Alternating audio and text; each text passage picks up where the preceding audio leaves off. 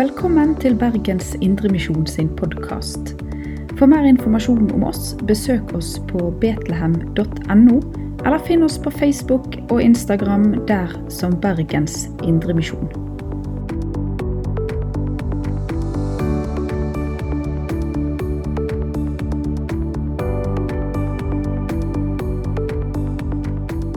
Kjære Jesus Kristus, nå vil vi prise deg for denne fantastiske dagen.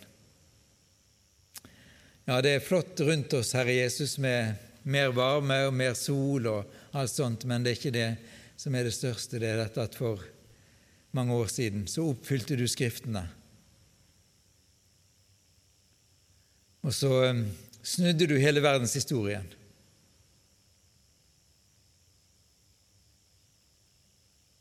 Herre, og du tok hele menneskeheten med deg. Fra fortiden, fra samtiden og for fremtiden. Du tok oss med Jesus på din vandring til Golgata, på korset, og i din oppstandelse. Du tok oss med Jesus. Og jeg personlig kan få del i det gjennom troen på deg. Nå ber vi deg, Jesus Kristus, om at eh, vår tro på nytt kan fornyes. Og vi ber deg om at eh, folk i byen vår og i landet vårt og i verden skal se. Du åpner forstanden, Jesus. Vi kan tro. Åpne Skriften for oss i dag, i Jesu navn. Amen. Nå har vi hørt eh, beretningen om det som skjedde på langfredag fra Johannes evangeliet. Og Det er mye teologi i beretningene i evangeliene, men jeg har tenkt å ta dere med inn i den teksten i Det gamle testamentet som jeg opplever gir oss den dypeste teologiske forståelsen av det som skjedde, det Jesus gjorde for oss. Profetien hos Jesaja i kapittel 52 og 53. Dette som kalles sangen om Herrens lidende tjener. Jeg skal lese litt, og så utlegge litt. Så vi ber om at Guds hellige ånd kan være med å forklare dette ordet for oss. Da Jesus hadde vært igjennom langfredag og denne korte tiden mellom hans død og hans eller etter hans oppstandelse og hans møte med apostlene, disiplene, så står det om to menn, to av disiplene hans, som var på vei til Emmaus. Og De gikk og snakket seg imellom om det som hadde skjedd, og de, de hadde ikke fått åpne øyne til å forstå, enda de helt sikkert kjente Det gamle testamentets skrifter veldig godt. Men de hadde ikke fullt ut forstått. Og så kommer Jesus opp på siden av dem på veien til Emmaus, og um, der begynner han å utlegge Skriftene for dem. Han taler til dem om at det står jo skrevet dette at menneskesønnen måtte lide og dø, for deretter å tas opp i Guds herlighet. Og Akkurat under samtalen så skjer det ikke så mye med dem, men når de har hatt måltid, eller har satt seg ned for all måltid, så blir øynene deres, ikke bare de fysiske øynene, men, men forstanden deres, åpnet så de kan forstå og de kan se. Det var skrevet allerede. Dette måtte skje. Dette var planlagt av Gud, og det har han talt til sitt folk om. Og nå har det blitt oppfylt i Jesus. Og de løper til de andre disiplene og sier det brant ikke hjertene i oss da han talte til oss på veien. Han åpner Skriftene, og som vi lengter etter må brenne i hjertene våre, så vi kan forstå og se det som har skjedd, og hos oss i forsamlingene, så vi lengter etter å komme sammen for å høre dette herlige evangeliet, og som vi lengter etter at det skal skje i byen vår, i landet vårt, at mennesker må strømme tilbake til menighetene på langfredag, påskedag, enhver samling for å høre. Og Jesus kan få åpne hjertets forstand, så vi kan få skue inn i evangeliet, dette som Gud har talt om. Og um, Det står i denne teksten i Jesaja 53 Hvem trodde budskapet vi fikk? Av og til så um, tenker jeg på kirkene i Kairo, som på langfredag vil være stappfulle. I Addis Abeba, i Manila, i Nairobi De stappfulle på disse dagene når evangeliet om Jesus, om Jesu død for våre synder, skjedde. Så har vi mistet noe av denne brannen i hjertet vårt.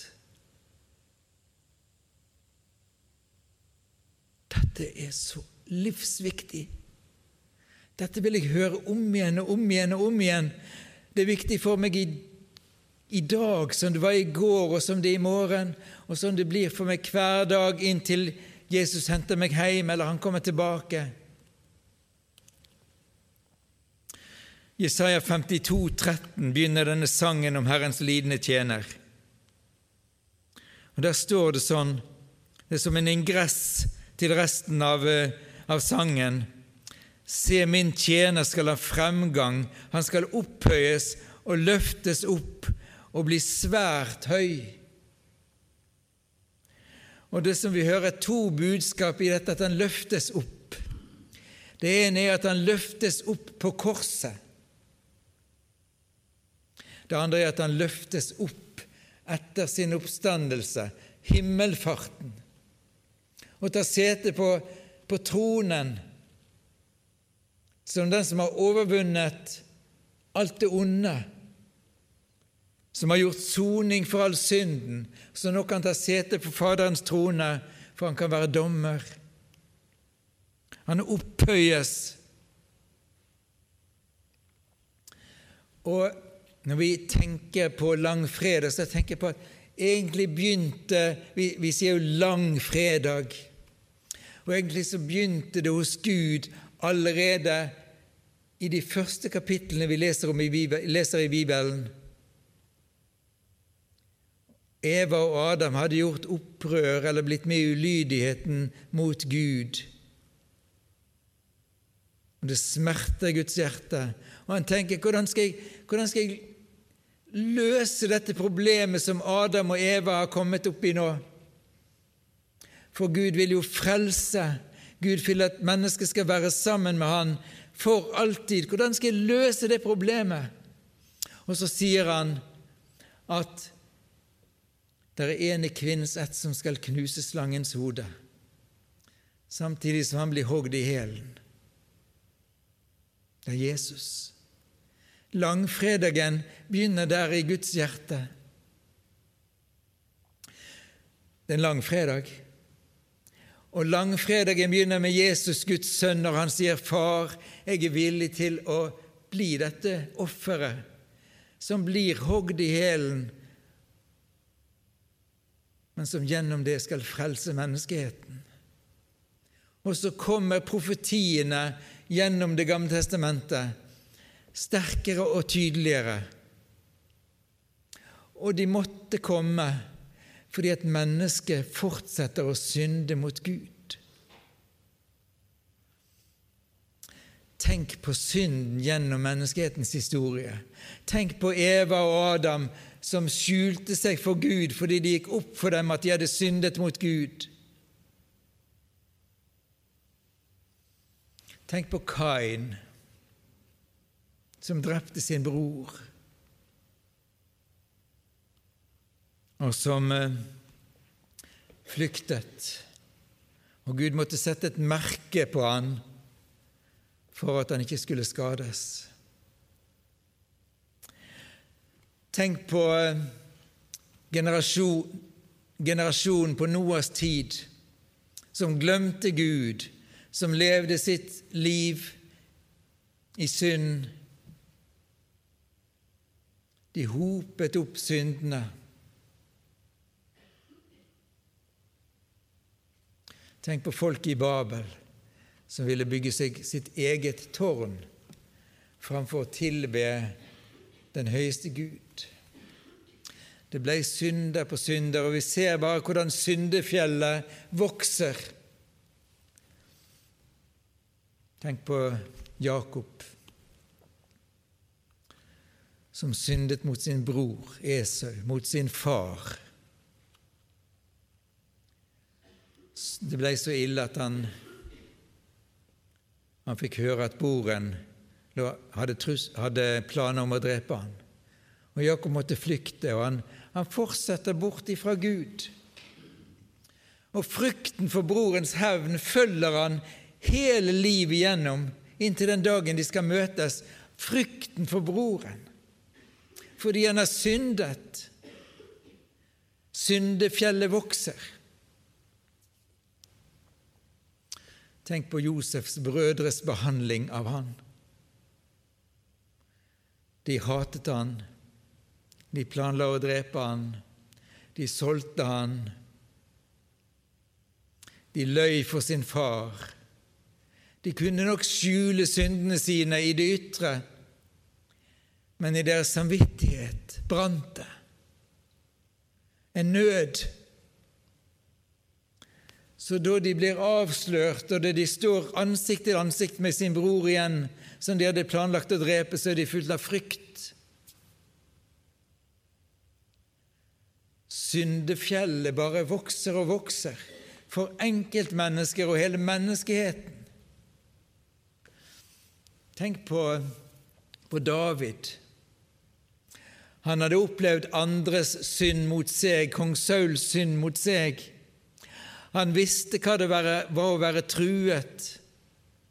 Han kjente på syndens grep, og den smerten det skapte i han. Han ropte ut til Gud så mange ganger om Guds befrielse fra synden. Men kanskje var det aller verst for David da han synda sjøl. Han gjorde de mest forferdelige ting. og måtte smake konsekvensen av det. Og så roper han ut til Gud i Salme 51.: Min synd står alltid for meg.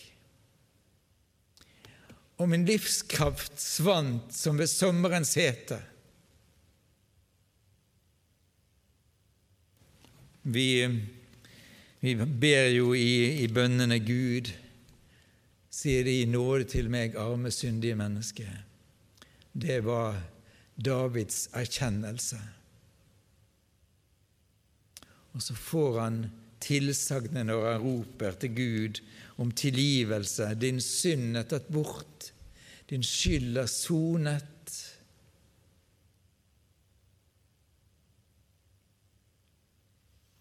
Men syndefjellet har vokst. Og profeten Jesaja, som vi leser fra her nå, i møte med Den hellige, så måtte han erkjenne at på min tunge, mine lepper, er det synd. Og jeg bor blant et folk med urene lepper.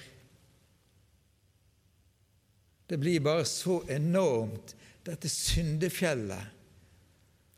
Og på den som har en samvittighet, så blir syndebyrden så voldsom og så kommer vi her til langfredagen. Og vi har en Judas. Det ble for mye for Judas. Vi har, eh, vi har en konge som mobber Guds egen sønn, verdens frelser. Vi har soldater og vaktstyrke som som arresterer ham. Vi har øverste prester til og med som vil han til livs. Vi har en feig Pilatus. Vi har en fornektende Peter. Vi har soldater som torturerer, soldater som korsfester. Vi har folk som roper 'korsfest, korsfest'. Og etter langfredag så kunne vi ha en lang oppramsing helt fram til vår, vår egen tid. Det er ikke få mennesker som har vært med på å lage syndefjellet enormt. Og noen er kjent på syndebyrden. Og så står det om Herrens tjener. Sannelig, våre sykdommer tok han, og våre smerter bar han. Vi tenkte han er rammet, slått av Gud og plaget, men han ble såret for våre lovbrudd, knust for våre synder. Straffen lå på ham, vi fikk fred, og ved hans sår har vi blitt helbredet. Vi alle, vi, vi gikk oss alle vill som sauer, hver, hver tok sin egen vei, men skylden som vi alle hadde, lot Herren ramme ham. Han ble mishandlet, han ble plaget, og han åpnet ikke munnen. Men hvem i hans tid tenkte at han ble utryddet av de levendes land fordi mitt folks lovbrudd rammet ham? Jeg har grunnet og grunnet og grunnet på den teksten, og helt fra første gang jeg leste den på hebraisk, så måtte jeg stanse opp ved vers 5, fordi at i oversettelsen jeg leste, så sto det med 'Han ble såret for våre lovbrudd, knust for våre synder'. Men jeg kunne ikke fri meg fra tanken om at den preposisjonen som er brukt på hebraisk, den betyr vel ikke bare 'for', men det betyr 'av'. Men han ble såret av våre lovbrudd. Han ble knust av våre synder. Han ble såret av mine lovbrudd, knust av mine synder, såret av Evas og Adams lovbrudd, såret av Kains lovbrudd, såret av generasjonen på Noas tids lovbrudd, såret av eh, Jakobs lovbrudd, såret av lovbruddene til Josefs brødre, såret av kong Sauls lovbrudd, såret av kong Davids lovbrudd, såret av Judas lovbrudd, fornekteren Peters lovbrudd, Pilatus lovbrudd, Neros lovbrudd, Stalins lovbrudd, Hitlers lovbrudd, Pol Pots lovbrudd, IS lovbrudd, lovbrudd som begås i dag, Putins lovbrudd. Hvor skal vi stanse? Når vi kjenner på dårlig samvittighet fordi vi har såret noen, eller vi kjenner på at det blir en tung byrde å bære fordi noen har gjort noe galt mot oss.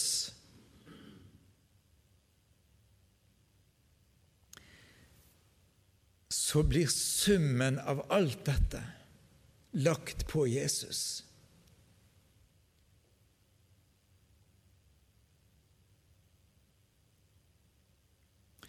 Det er ikke for sterkt å bruke ordet 'knust'. Knust.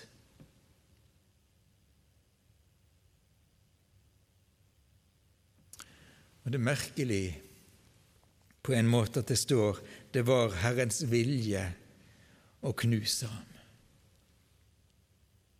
Jesaja 53, 10. Det var Herrens vilje å knuse ham.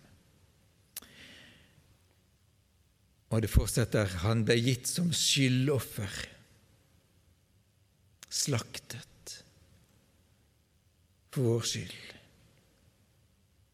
Han ble knust av og for våre synder.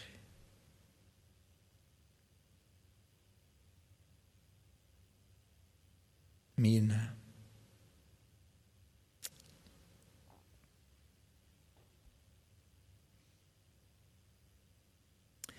Det er nesten så så eh, veldig at jeg ikke burde stå her. Jeg ikke er verdig til å stå her. Men jeg kan stå her. Jeg kan stå her. Vi kan stå for Guds ansikt fordi at synden er sonet. Han har gjort alt Absolutt alt.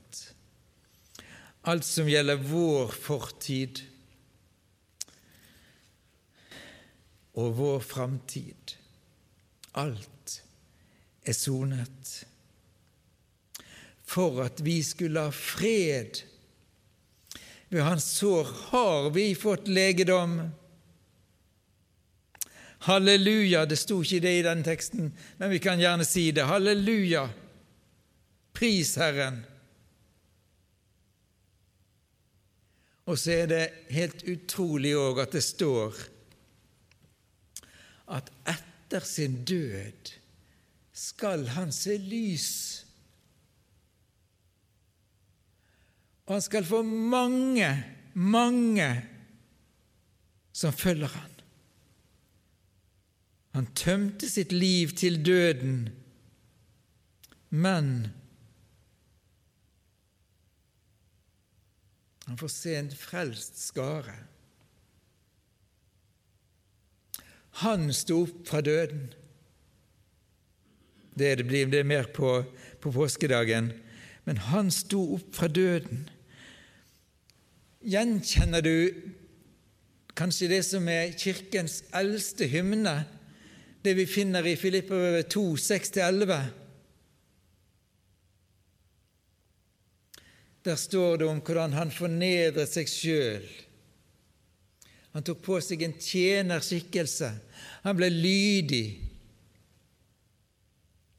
inntil døden. Ja, korsets død, det var hans nedstigning. Det var hans langfredag, egentlig fra dagen han sa 'Ja, far, jeg er villig'. Den dagen han ble inkarnert, han ble født det var en lidelsesvei. Han steg ned, han steg ned, han steg ned. Han ble lydig inntil døden på korset. Og nå vet vi hva korset betyr.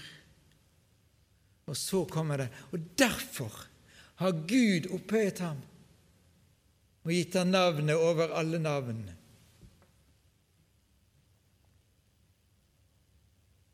For at hvert kne skal bøye seg, og hver tunge bekjenne til Gud Faders ære, Jesus Kristus er Herre.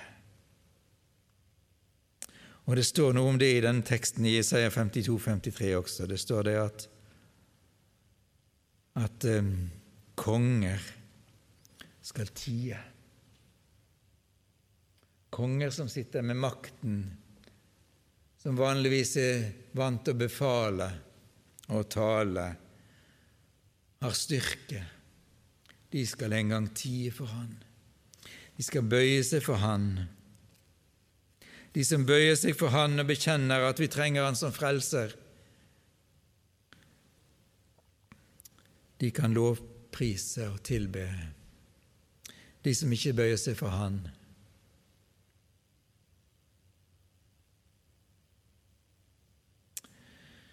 de ser det andre med.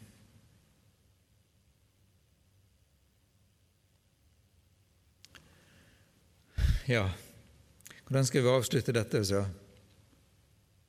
Jeg har bare lyst til å lese en gang til de sentrale versene her. Sannelig, våre sykdommer tok han. Våre smerter bar han. Vi tenkte han er rammet, slått av Gud og plaget, men han ble såret for våre lovbrudd. Knust for våre synder. Straffen som lå på ham. Vi fikk fred, og ved hans sår har vi fått legedom.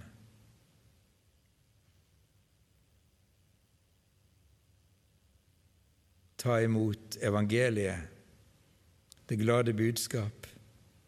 Jeg er fri. Du er fri. Det der syndefjellet som var der, det er borte vekk. Det er sonet. Mitt personlige syndefjell, verdens syndefjell. Han har brakt soning for alle våre synder. Guds lam. Se der Guds lam som bærer bort din synd, som bærer bort verdens synd. Vi tilber deg og priser deg, Jesus Kristus. Jeg kjenner iallfall på at dette klarer jeg ikke å få fram godt nok, sterkt nok. Jeg klarer ikke å, helt å gripe det sterkt nok heller. Men jeg takker deg at det er nok for Gud, vår Far, den hellige, Han som tar La det bli tatt en glo fra alteret til å berøre oss. Se, din synd er sonet, din skyld er betalt. Jeg takker deg for at det er nok for deg, Gud, det Jesus har gjort, når vi aldri helt ut klarer å begripe det. Og Samtidig ber vi deg om at det skal brenne i våre hjerter. I Jesu navn. Amen. Du har lytta til Bergens Indremisjon sin podkast. For mer informasjon om oss, besøk oss på betlehem.no, eller finn oss på Facebook og Instagram der som Bergens Indremisjon.